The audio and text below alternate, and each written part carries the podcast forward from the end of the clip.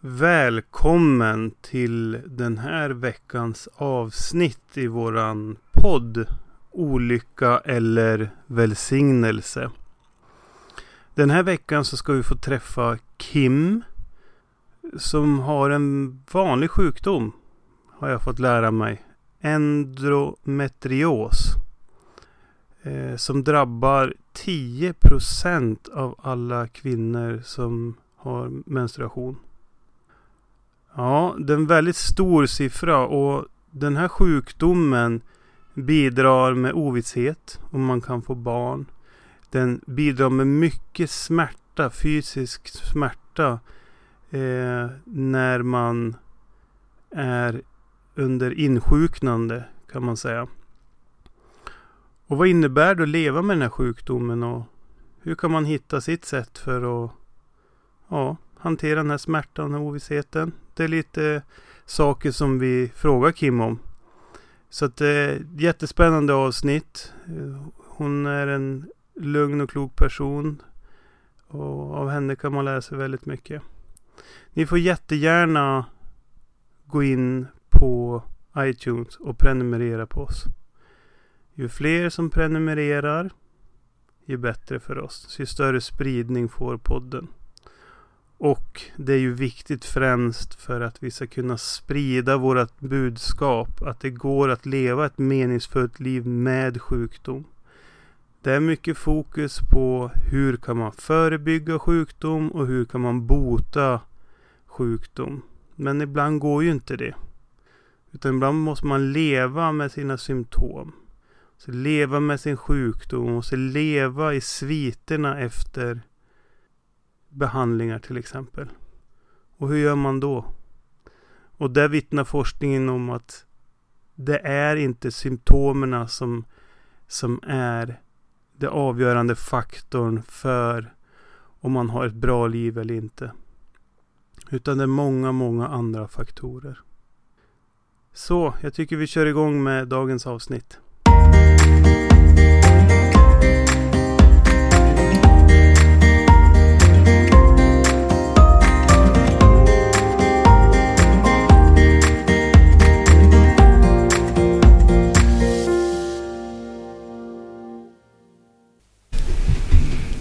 Så, så att... Eh, nej, vi kör bara igång. Så, eh, hej. Hej Louise. Hej Lars. Då sitter vi... Jag tänker att vi har sagt här igen, har vi sagt varenda gång när jag lyssnar på, när jag håller på och klipper. Kanske vi ska ha någon annan inledning nu. Jaha. Ja, Fast vi sitter ju här igen. ja det gör vi. Ja, Eh, fast vi... är inte ensamma. Nej, Nej. utan vi har en uh, jättemodig tjej här. Får jag säga så Kim? Du har ju någonting eh, tatuerat på din arm. Mm. Eh, det är spanska har jag lärt mig. Eh, vad är det det står? Valiente. Valiente. Mm. Mm. Ja, det är jättekul att du är här i alla fall. Men, men stopp ett tag, jag har inte läst spanska. Nej, Så vad Inte betyder det då? nej, jag sa ju det. Det var ju en clue från början. Jättemodig tjej. Jaha, betyder Mm. det mod alltså? Ja. Ja. Och det hade vi... Ja, Vi pratade om det sist va? Och var modig. När vi pratade om rädsla. Det var ju temat. ja, det gjorde vi. Ja, Får döpa om det avsnittet till Valiente. ja kanske. Det vore rätt bra. Kim, jättekul att du är här. Eh, anledningen till att du är här idag. Eh, det är ju att du har eh, eh, mycket erfarenheter av att leva med ovisshet.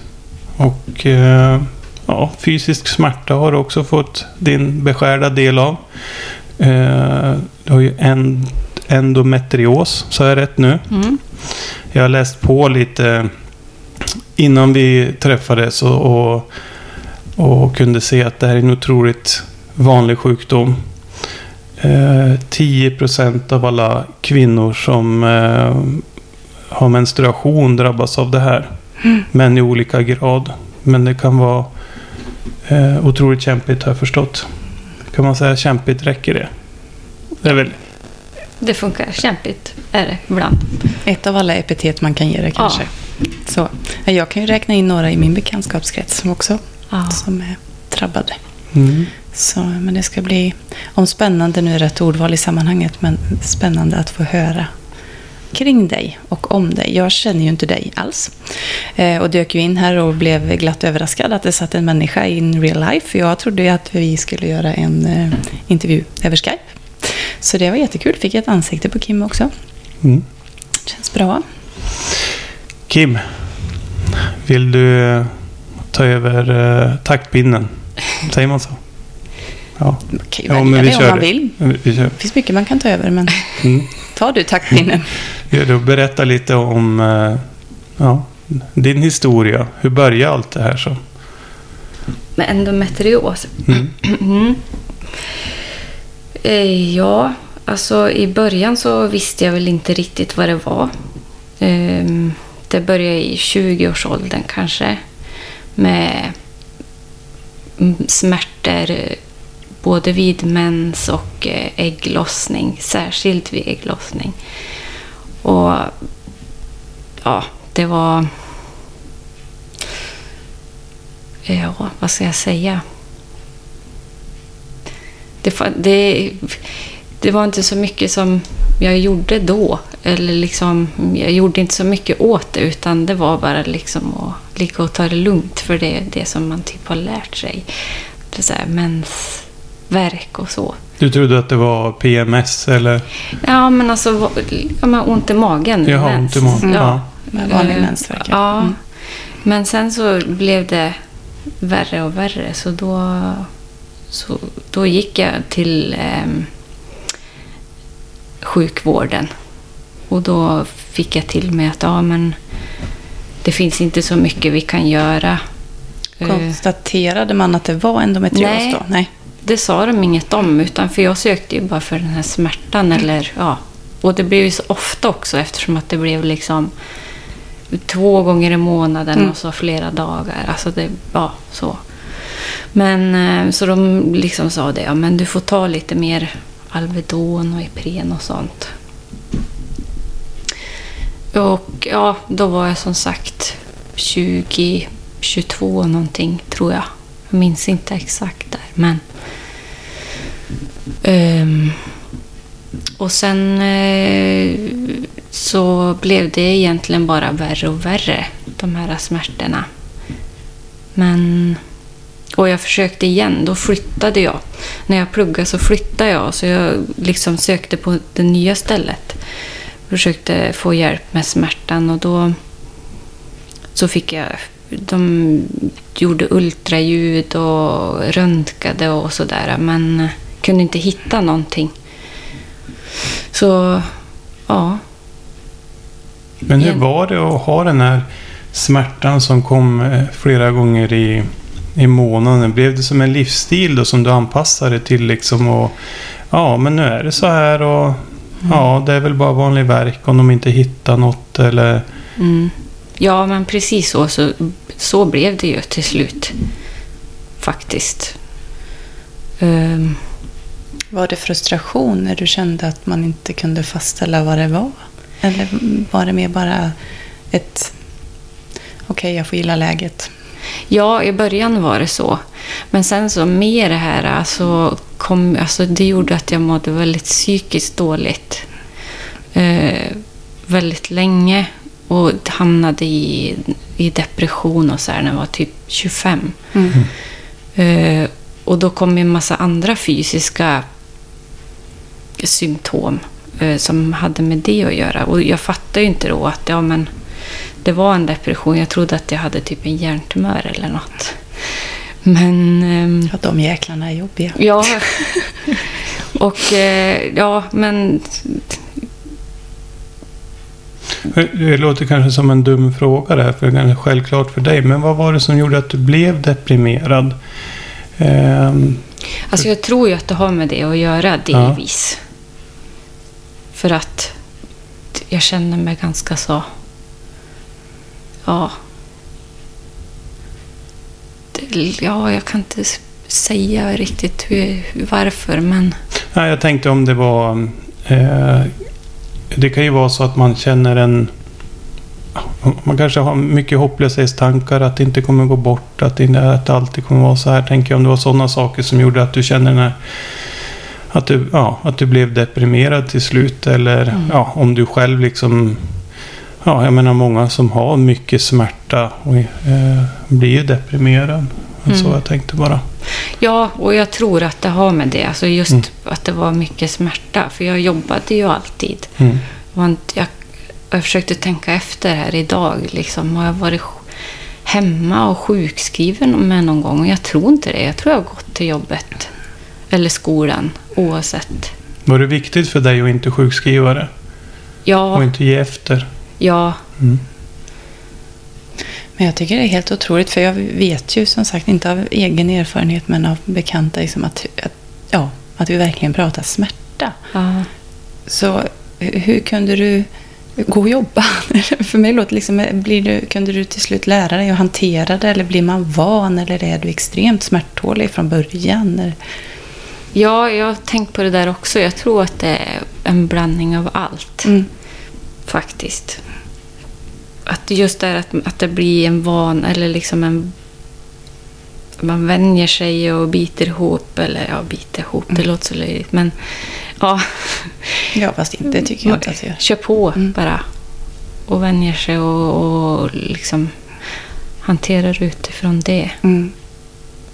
tror jag. Hade du varit sån som eh, liten och ung också? Liksom, kunnat du varit bra, ja, om du inte gråtit så ofta om du ramlade och slog dig eller liksom kunnat ta Nej, smällar och det, smärta så? Så att Nej. du hade det med dig? nej, det vet jag inte. Liksom inget som jag har tänkt på så. Eller, Hade du några speciella strategier som du använder av? Eh, för att liksom orka stå ut med smärtan? Hade du... Jag vet inte, nu hittar jag bara på. Men att du hade satt upp delmål för dig själv under dagen. Eller att du ja, hade något speciellt förhållningssätt rent tankemässigt. Eller hur gick dina tankar liksom för att ta dig igenom en dag? Med den här smärtan. Alltså just där runt 20-årsåldern, då var jag mer så här... Mm, alltså, jag ska jobba oavsett om jag har liksom feber eller ont Just i det. magen eller Mm. så. Så jag tror inte jag tänkte så mycket så. Mm. Utan bara att jag skulle... Ta dig igenom. Ja, Och, och du skulle... Du hade en hög arbetsmoral kan man säga. ja Mm. Vad jobbade du med på den tiden där? Då jobbade jag med... ehm, eh, jag jobbade i en liten sån här kiosk med Mm. typ trav och tobak. AT- ATG-ställe Ja, lite. typ, ja, ja, ja. ja. Mm. Precis. Det var snabba kundkontakter då, så du kunde du bryta ner, eller Ja, bryta ihop skulle jag säga, mellan, mellan kunderna. ja, det var Mm, lite så. mm. Men du, när, du sa ju att det, var- du hade lite besök där och ingen fastställde vad det var. Kan du berätta kring liksom hur, hur det gick till när du faktiskt fick diagnosen? Då? Ja, då... eh, Det är ju egentligen tio år senare ungefär. Mm. Jag var 30. eh, Och hade haft ett eh, missfall. Nu minns jag inte hur långt innan det var. Men efter det så blev det mycket, mycket, mycket värre. Mm.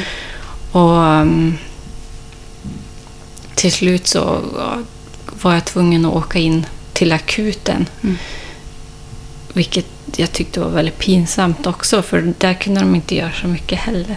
Men eh, då kunde de ändå se att det var någonting där inne, Mm. någon massa liksom. Så efter det så... Och då hade jag sån tur, för då, den läkaren som jobbade på akuten, hon fortsatte och följde upp sen efteråt på, på kvinnokliniken. Mm. Så att... Eh, eh, så att eh, hon följde upp då och kollade hur, om det liksom ökade i massa eller Mm. minskade. Men till slut så blev det en operation och då fick jag diagnosen. Mm. Men den här massan, vad, vad består den av? Kan du beskriva eh, vad det är för någonting? Alltså jag tror, nu är inte jag jätteexpert på exakt vad de här, det är som syster. Vad de, Det finns ju lite olika systor. Det finns ju typ så här vatten och choklad. Och jag tror jag. Alltså typ, choklad? Ja, Chokladsyster, ja. chokladsyster. Mm. Och, och ja, Och PCO som jag har. PCO. Mm. Ja. Så att, eh, ja. Och jag hade, då hade jag två. Eh, De kunde bara se en, men jag hade två. När de väl öppnade och tittade så var Mm. det två. Så då avlägsnade de den då? Kirurgiskt gick de eller hur Ja. var det till? Mm. Hur illa var det då? När du var tvungen att operera? Ja, alltså det var... Eh, Jag hade... De ty... alltså, vad jag förstår så såg det ändå ganska bra ut. Mm. För att många gånger endometrios så liksom kan det sprida sig och bli ärrbildningar som gör att för vissa så växer ju organen ihop och så. Mm. Men vad jag förstod, mina de var liksom två eh, fristående, eller vad jag ska kalla det, syster som de kunde ta ut.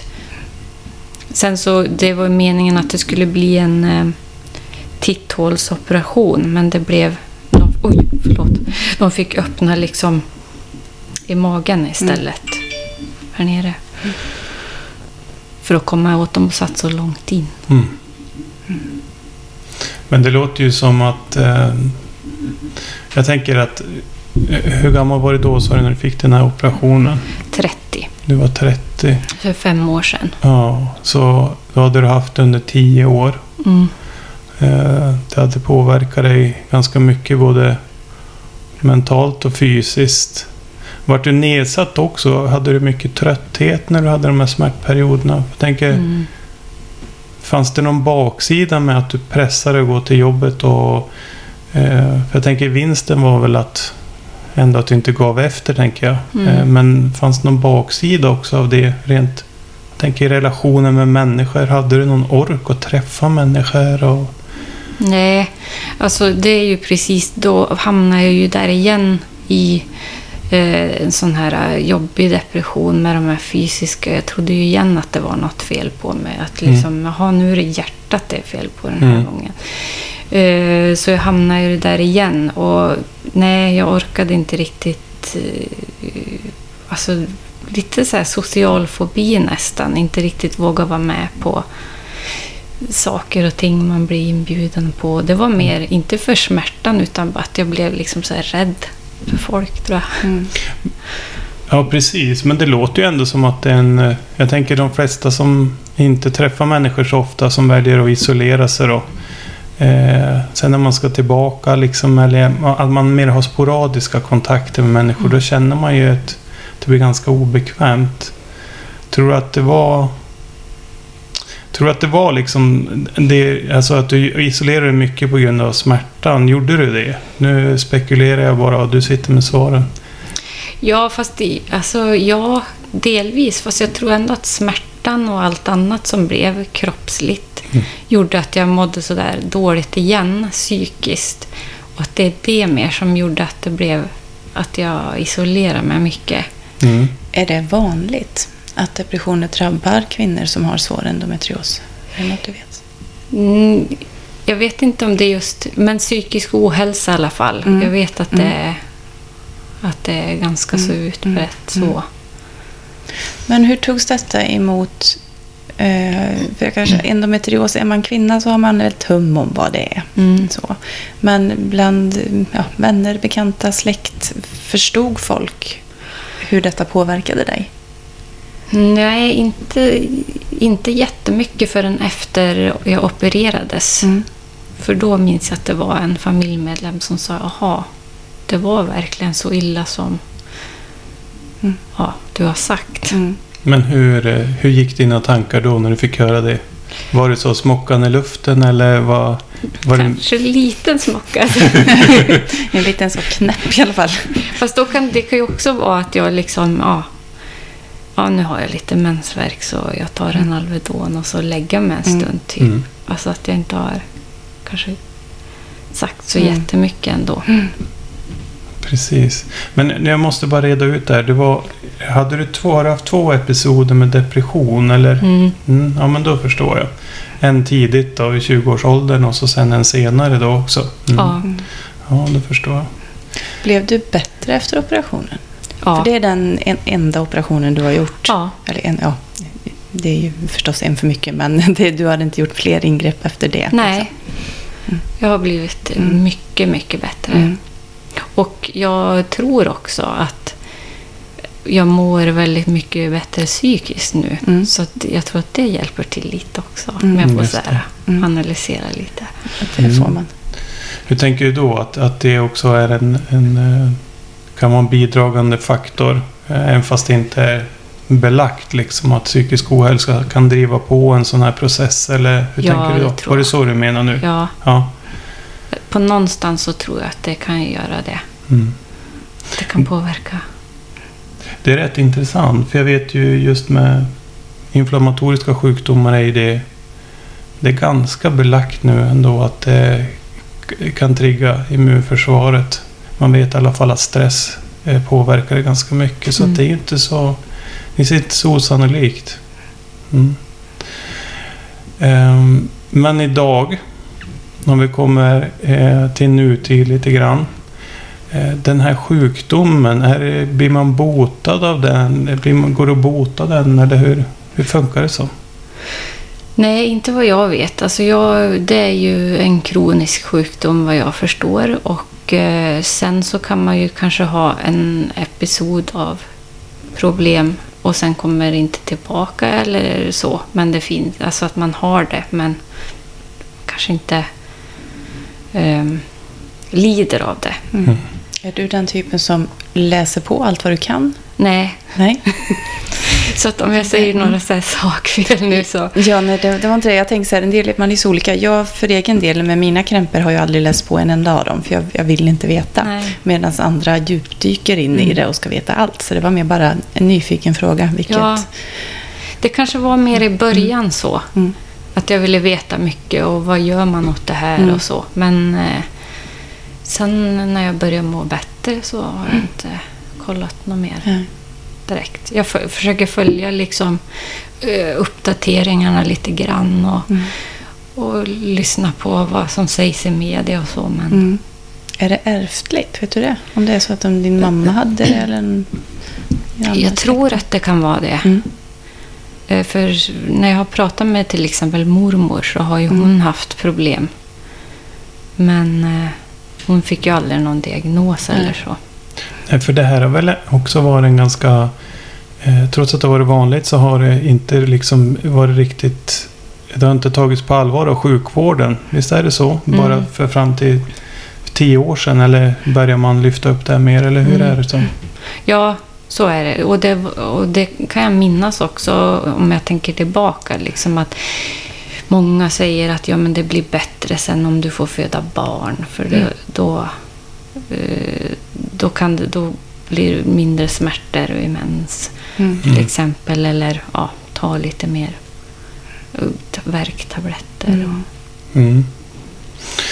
Eh, Jag bara tänkte, är endometrios också en av möjliga orsaker till att det är svårt att få barn? Eller har jag, har jag fel minne där någonstans? Ja, alltså då, jag har inte riktigt fått svar på det Nej. faktiskt. För där har jag också försökt att följa, eftersom att jag själv har problem att bli gravid. Mm.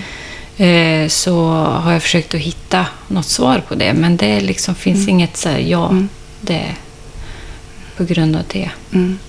För det är ändå en, en sån här information som går att, att läsa då. Men det är alltså inte så att det är belagt att det faktiskt är så. Utan det är bara någonting som man eventuellt tror. Mm. Det kan ju vara ganska bra att veta Mm. för många som har det. Ja. Eller hur? Ja, Som eh, tror att det kanske per automatik, ja men nu har jag endometrios och då är det här en, en konsekvens av det. mm. Mm. Ja, det är jätteviktigt. Men jag träffade, jag tror att det var ett år efter operationen som jag pratade med dig och då minns jag att du att du var, då hade du lite ont i magen och jag minns att du var lite orolig då för att det skulle komma tillbaka eller att det hade kommit tillbaka. Mm. Eh, var det en oro som, som du har börjat släppa mer och mer nu eller hur, hur hanterar du den? Ja, ibland så kommer det ju... Det kommer att gå lite olika perioder sådär. Men det blir aldrig... Eller aldrig, men det har inte blivit så illa som det var innan operationen i alla fall. Mm. Men ja, jag blir orolig då eh, ibland. Och ja, det finns en viss oro att det ska bli som innan operationen Mm. igen.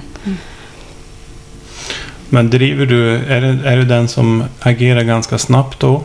Eh, och jag, jag Du tittar på mig, vad snäll Ja. du är Lars. Jag, jag tittar på Louise för att vi... eh, Louise hon, eh, hon, hon kräver svar ganska snabbt om hon är orolig, eller hur Louise? Ja. Ja. Eh, och är du också en sån som kräver svar snabbt när du känner eh, att det eventuellt händer på gång? Eller är det sån som avvaktar lite? Eller jag tänker på att du har härdat ut så mycket innan. Mm. Ja, alltså jag är nog den som eh, väntar och ser om det blir värre. Ja. Ja, du känns lite mer eh, bit ihop än jag. Ja, men och sen, så det, ja, men och sen så minns jag också, jag frågade efter operationen så frågade jag okej, vad, vad ska jag göra nu liksom och vad blir det för uppföljning och så här. Och den där de sa till mig då, det var att ehm, eh, om det blir så att du får så ont igen att du inte kan hantera vardagen, då kan du komma tillbaka. Mm. Och då tänkte jag att okej, det var svar nog för mig. Då Mm. spelar det ingen roll utan då ska jag i princip krypa in till sjukhuset innan de gör något. Men det, det- låter ju fruktansvärt tycker jag. Alltså Ja. det, det ska vara så att man, ja, man ska vara redo som jag förstår då och bli opererad igen då liksom. Alltså det, Mm. i, innan man eh, bör eller liksom ska söka vård. Nu menar de väl kanske inte så bokstavligen antar jag väl att du Eh, jo, det, eller jo, det var så de menade. Eller jag var så förvirrad. Kan man säga så bara? Oj. Det finns ingenting man kan göra liksom för att förebygga det då. Eh, om man märker det. Man kan inte se det liksom eh, i ett tidigt skede att nu börjar det hända lite skit. Nej, alltså det där jag också försökt att ta reda på. Men alltså, en, många gånger så måste man operera för att se. Mm. Och det vill de helst inte göra på grund av att då blir det mer ärrbildningar, vad jag Mm, förstår, mm. i, inuti. Som kan göra att det sprids mer. Mm. Ja, det är ett himla mysterium, hela livmodern och äggstockar. Och jag, ja, jag har ju varit i svängen också, Mm. så att det är ju... Men Man undrar ju. är det eftersatt fo- forskningen på det här området då? Det låter ju som det då, om det inte finns någonting. Eh, ja, några undersökningsmetoder som inte är så eh, krävande liksom att göra för kroppen. Och, och mediciner som man kan ta om det skulle vara så att man upptäcker. Det finns inget sånt alltså. Jo, det finns ju mediciner man kan ta. Alltså, jag har ju varit i så här klim... Vad säger man? Medicinsk klimakterium några Mm. gånger. Och, och, eh, ja. och ja, andra jobbiga hormoner Mm. som man måste ta och så. Mm. Ehm, så det är väl det. Eh, Och förebygga. Ja, jag har ju försökt lite mm, diverse. Äta Mm. antiinflammatoriskt och så. Mm. Vilket jag också har fortsatt med. Eller i alla fall tänker mer på vad jag äter och så. Mm. Sen vet inte jag om det har gjort någon skillnad. Men Vad har du valt att, att utesluta i din kost eller äta mindre av? Som du tycker att kött. kött? Rött kött. Mm. Och eh, ja, men det är främst rött kött. Mm. Jag tänker bara här Kim, för att i, första 5-10 minuterna så lät det mer som att Eh, stålkvinnan parerar smärtan, klarar av att jobba, aldrig sjukskriven. Och så nu berättar du också att du har liksom varit hormonstimulerad och varit i medicinsk klimakterie och liksom alla de här grejerna. Och jag blir så här, och så sitter du helt kolugn liksom. är du väldigt bra på att hantera? Det, det blir liksom lite den här försökskaninkänslan. Att man har skickat dig in och ut och testat olika saker. Ja, det, ja, så kanske det är. Och sen, alltså, när man blir så hjälplös och inte riktigt vet och inte ens typ vården vet vad de ska göra Mm. för de är inte pålästa känns det som. Mm. D- det, ja. Och sen eh, när jag har varit som sämst, då har inte jag orkat liksom vara... Alltså jag bara... Okej, ge mig någonting och så, Mm. Så det blir bättre. Ja, känner du överlag att även gentemot allmänheten i sig att vi vet för lite om detta? Det, nu menar jag inte de inom vården utan som jag frågade lite förut, förståelsen bland vänner och bekanta. Så att, känner du att det skulle behöva komma mer info? Ja, det, det tycker jag. Mm. Ehm, för är, jag vet att när jag säger att jag har det ibland så... Eh, vänta nu, vad är det för någonting? Och så Mm. får man förklara. Mm. Och då har det kommit fram många gånger. Ja, men jag känner en som Mm. brukar ha sådär. Ja, men då kanske den personen ska försöka se om den kan få Mm. hjälp. Mm. Hur har kollegor och så som du har jobbat med det? Har de vetat om, i och med att du själv inte fick diagnosen förrän efter tio år då, men har de vetat om att du har haft endometrios och då kunnat ha en förståelse eller har du varit väldigt bra på att mörka när det har gjort ont? Mm.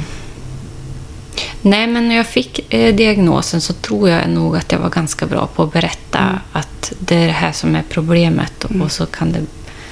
Ja. Eh,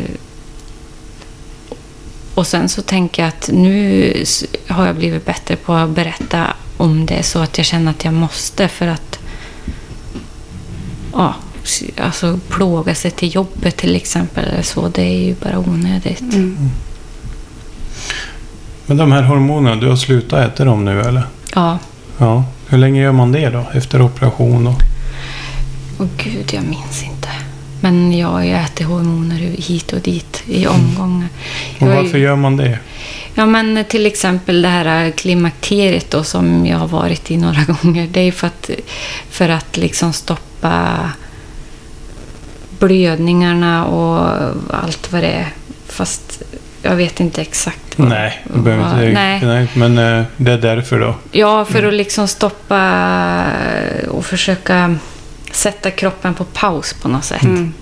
Men har de några bieffekter de här Ja, hormonerna? ja massor.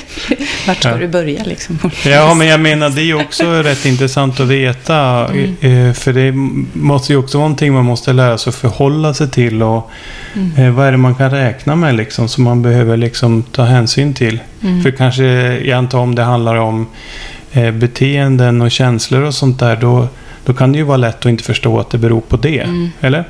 Ja, ja, precis. Jo, men det finns eh, en del symptom. Till exempel, ja, men jag tänker vanliga så klimakteriesymptom som man kanske har hört om. Typ att man svettas väldigt mycket. Ja. Eller eh, och går upp i vikt. Alltså jag vet inte, jag tror jag har gått upp massor på bara ett par år. Ehm, ja, vad kan re, alltså, av beteende, då kan det ju vara att man blir väldigt lätt irriterad. Alltså humörsvängningar och så. Nu har inte jag haft just det, men det vet jag att andra har haft. Mm. Jag måste säga för egen del, jag tror det är sex gånger har jag nog varit satt i Mm. det. Men läkarna sa ju till mig, fast de tittade på Andreas, min man, och sa att jag tror att du kan känna dig ganska lugn inför hennes så 50-60 års ålder. För att jag, jag var inte jättesvängig. Mm. Svettningarna, ja. Ja. men de har ju fortsatt, uppenbarligen. Mig också Så, tydligen. ja. Men som viktuppgång till exempel. Det är ingen som vill liksom ja, gå upp i vikt eh, helt i onödan liksom om det inte är någonting man strävar efter. Mm. Eh, hur var det? Ja, alltså det har varit både och. För att innan så har jag varit väldigt, väldigt, väldigt smal. Mm. Så att jag har trivts ganska bra. Men eh, sen så är det ju svårare om man vill försöka gå ner lite. Mm. Sen har jag inte jobbat jättehårt med, med just det. Men Men- blir det också, jag tänker om det beror på ämnesomsättningen. Är det så att man blir tröttare av det? Att det är jobbigare att motionera och sådana saker? Eller ingen sånt? jo, men det har det varit också. Eh, och sen i och med det här, eh, allt som jag gjort så gick jag igenom en sån här um, IVF-behandling. Och då innebär det också alla de här eh, hormonerna och klimakteriet och det. Mm. Och där, och där kom det mycket sån flås. Alltså. Det krävdes inte mycket för att jag skulle bli helt slut. Nej. Nej. Men jag tänker, eh, som sagt, när man mixtrar med kroppen och alla dessa hormoner så får det ju sina symptom helt klart. Men eh, jag ska säga, jag ska egentligen ställa en öppen fråga, men det blir ledande fråga ändå. För jag tänker, är du mer av karaktären att när du vet att det är för något bra, jag- alltså jag gör alla de här sakerna för att försöka hjälpa mig komma till rätta med ett problem, blir det lättare för dig att hantera symptomen då? Ja, men så är det absolut. Det tycker jag. Mm. För så har ju jag resonerat också, att nej, men det får vara så här nu, Mm. för det är ju för, för goda sakens skull. Ja. Liksom. Mm. Precis. Mm. Men hur har du valt att och i övrigt liksom, har det funnits någon hjälp? Eh, tänker jag att få eh, rent. Eh, vi pratar om eh, samtal till exempel. Eller vad tycker du har varit viktigt för dig för att få ett fungerande liv liksom? Vi vet ju en sak är ju sjukvården, vad de har gjort. Då. Men är det några andra saker som har varit viktiga för dig? Även när du har haft de här smärtorna liksom tänker med ett jobb har ju verkar ha varit viktigt för dig, för det har du ju gått till hela tiden. Mm.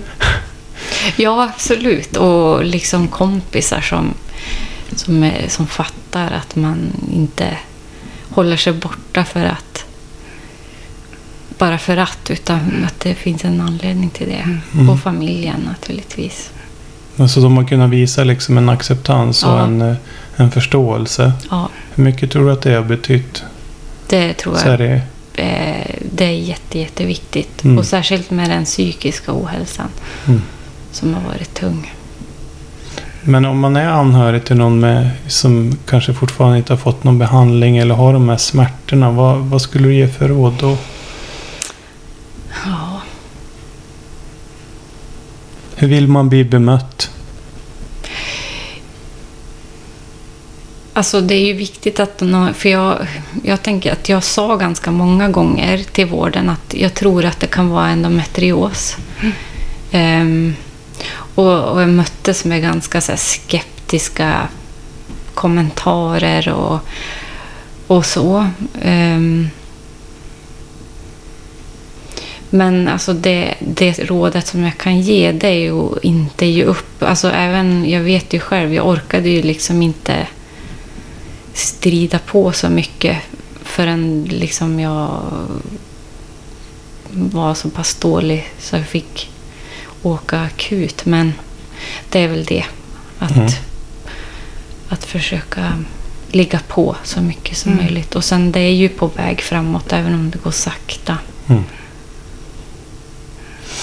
Jag vet också att du har väl spelat mycket tv-spel också?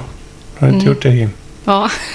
Och det här tycker jag är rätt så viktigt för det är ganska... Eh, finns det någonting som kan avleda?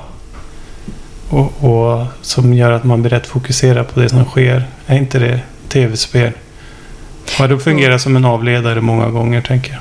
ja, absolut. Det har det gjort. Mm. Nu har jag inte gjort det på några år, men ehm, när det var som värst, absolut, då satt jag där med värmedyna och, eh, och, och spelade. Mm. Men jag tror att det är en, alltså en underskattad smärtstillare. Tror jag. Mm.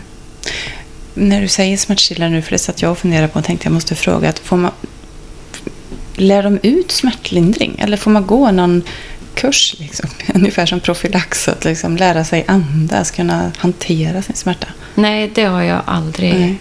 varit i kontakt med eller någon som har Mm. nämnt. Eller Och så. de ger inga tips förutom värmedyna och Alvedon då? Nej. Nej, alltså de vanligaste tipsen som har varit, det är liksom det här när man har mensvärk, att det är bra att motionera. Mm. Och då, då kan jag bli riktigt irriterad. Mm. För att då, alltså när det var som värst så vill man ju liksom inte ens vara Mm. i sitt eget skinn. Det går Nej. inte att röra sig. Mm. Himla tur jag inte frågar om motion var som jag var på vippen att göra det också. Nej, alltså i förebyggande. Men Mm. just när man är i skoven så Ja. då funkar det inte alls. Mm. Men absolut, motion är väl aldrig dåligt, tänker jag. Nej. Nej, då kan man knappt röra sig. Då Nej. är man mest sängliggande. Ja, Utom du då som gick på jobbet. Ja. ja. Mm. Men jag hade tur för att det, ofta så hände det på helgerna eller liksom när jag var ledig. Och då Mm. vet jag inte om det var för att jag Mm. slappnade av eller något. Just det. Men, eh, Du har uppfostrat ägglossningen och mensdagarna riktigt där så jag kom på helgen. lite Så, ja. La det med två veckor mellanrum. Men du, idag, alltså nu, du sa, sa ju förut att efter operationen så var det ju mycket bättre. Mm. Eh, känner du att du är mycket påverkad av det idag? Eller är det som någonting som liksom har, har varit? Och visst finns det oro om det kryper fram något symptom, men ja, tar det upp en stor del av ditt liv? Tar det över en stor del av ditt liv kanske jag ska säga? Nej, det gör det absolut inte. Nej. Det är, ja, jag måste säga att jag är 110 procent bättre nu Mm. efter Mm. eh, operationen. Mm, mm. Så du vill ändå skicka med det då, tänker jag, de som lyssnar och eventuellt har med besvären, Mm. att det finns ändå bot för det. Eller inte bot, det var helt fel, men lindring Ja, och saker att göra åt det. ja. Det, jag tänker så här, vilka fördomar har du mött Kim? Jag tänker, jag vet ju att du också brinner för kvinnofrågor. Eller hur? Mm. Vilka fördomar har du mött?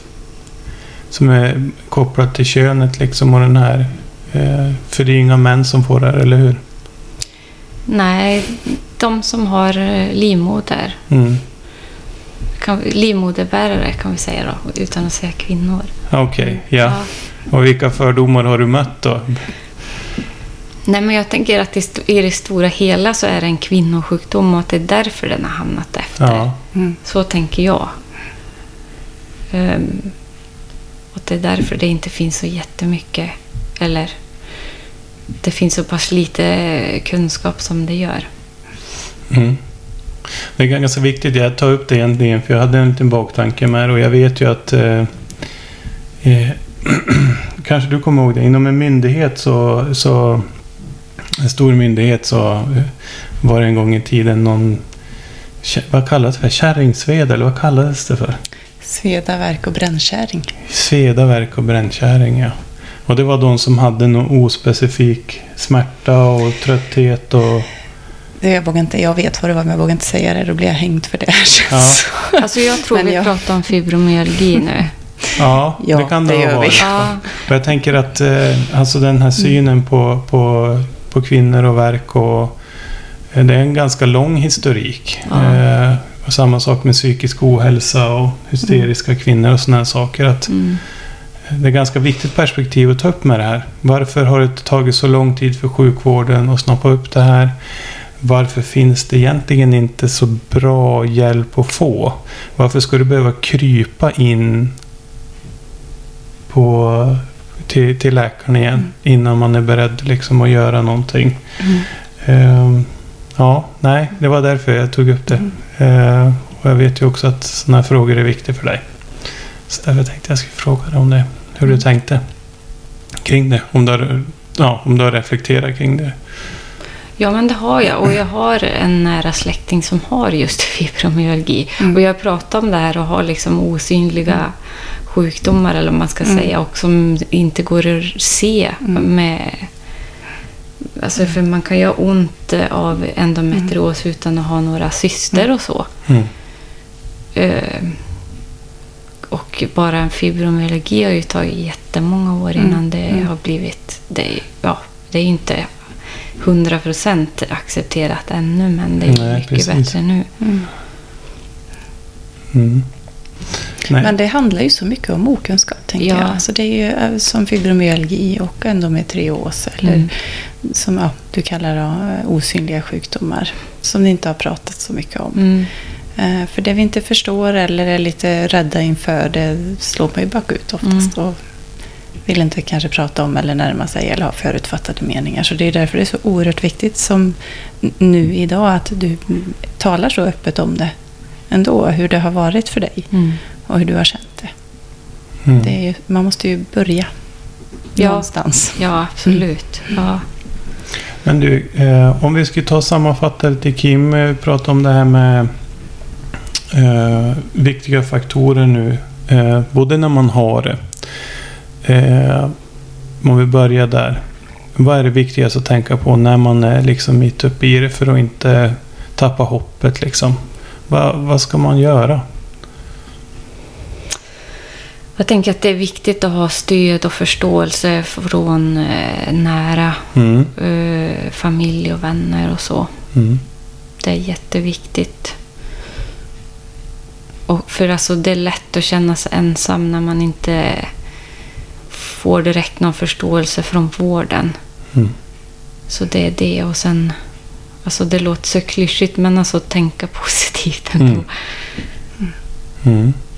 Och det här med sjukvården då säger att man ska inte ge sig liksom. Nej. Men hur, hur kan man skilja det liksom från vanlig, eh, vanlig verk? Alltså hur, hur vet man liksom att eh, ja, men det här är ju, det så här ska det ju inte vara. Kan man veta det själv liksom som patient? Ja.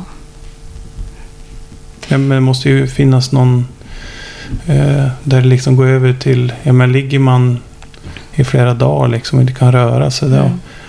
Eh, ja, Ja. man säger att det är inget. Ja, det, jag tycker det är en jättebra fråga. Mm. Jag vet inte. Jag bara tänker lite på det mm, avsnittet som kommer komma mm, nu i, veckan. Som här, som när vi intervjuar en eh, kvinna som heter Camilla Gran. Mm. Hon säger ju det, för hon fick ju också inte riktigt gehör så i vården. Och att det blir lite hierarki och lite prestige i vem som vet vad. Att nej, men jag är experten, så att jag bedömer jag att det inte är det här, så, så är det inte det här. Så hon menar ju verkligen på det att ja, jag är bara den lilla människan i det hela, men det är jag som upplever symptomen, det är jag som känner min kropp, det är jag som kan beskriva det. Eh, Så om vi kan mötas där någonstans, liksom, att du i alla fall kan kika på det här som jag nu föreslår, då, som du förde ju ändå fram, om jag förstod det rätt, att du trodde att det här kunde vara Mm. endometrios. Eh, att man i relationen patient-läkare kliver över varandras gränser lite Mm. och det spelar ingen roll om man gör det. Utan, Nej, precis. mm. Mm. Eh, och, och idag, eh, vad, vad tänker du idag? Hur ser du på framtiden? Och, för du har ju byggt upp ditt liv, eller hur? Du har ju ett bra liv liksom. Du har ju aldrig... Eh, du har ju alltid jobbat och du har ju ett jobb nu. Och, är det också sådana saker som är viktiga liksom för att inte fastna? För jag tänker, vi måste väcka mycket tankar efteråt. Mm. Jo, En operation alltså. ja, ja, jag, jag är jätteglad. Alltså jag tänker på det ganska ofta hur glad jag är för att jag slipper allt som var innan så. eh, Med smärta och allt vad det var. Eh, Det som är väl den här eh, oron att det är svårt att bli gravid. Om det beror på det här eller om det är någonting annat. Mm. Så det är väl det som ligger... Får man tillräckligt bra information om den biten? Nej, Nej. det tror jag inte de sa någonting om faktiskt.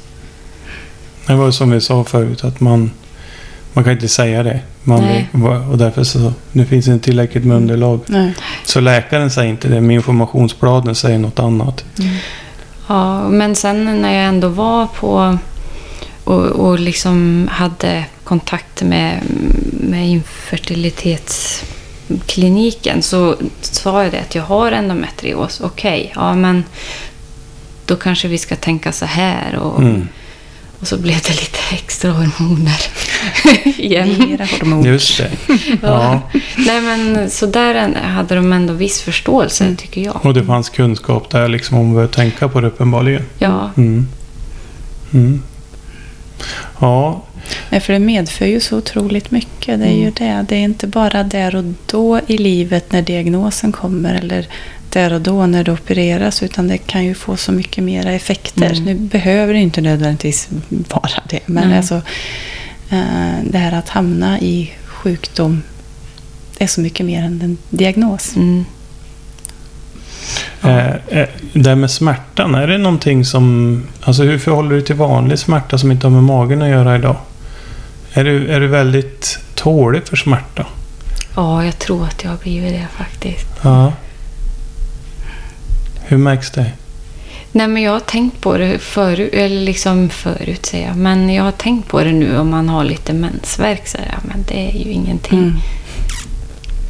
Nej, alltså vi har ju, jag tror vi hörde det mest extrema va? Och jag tror att det, det, det är nog bara de som har haft extrem smärta som kan beskriva det. Och det var, vi hade en gäst som hade haft migrän i, ja nu är vi 40, hon är inne på sin, Skulle fylla 50 och haft det sedan hon var 6-7 år.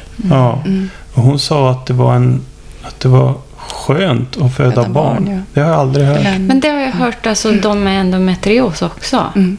Att det är liksom... Det gör mindre ont att föda barn. Mm. Det Det säger säger- en del. Ja, jag menar, det säger väl någonting va? Ja. Ja, om vad det handlar om. Men det är kanske en av de positiva då. Eh, de positiva eh, sakerna som den, att ha smärta och sen bli av med smärtan. Som för med sig då att annan smärta den ter sig rätt så... Mm. Ja, eh, den är inte, den är inte eh, jätteliten men det är inte så att man blir helt sänkt av den i alla fall. Nej. Ja, jättespännande Kim. Tack för att du kom. Mm. Tack. Jag är jätteglad för att du kom och berättade om det här. Jag tror att det är ett jätteviktigt avsnitt att sprida budskapet om det här. Mm. Absolut. Tack så mycket. Jättetack. Ja, tack är du.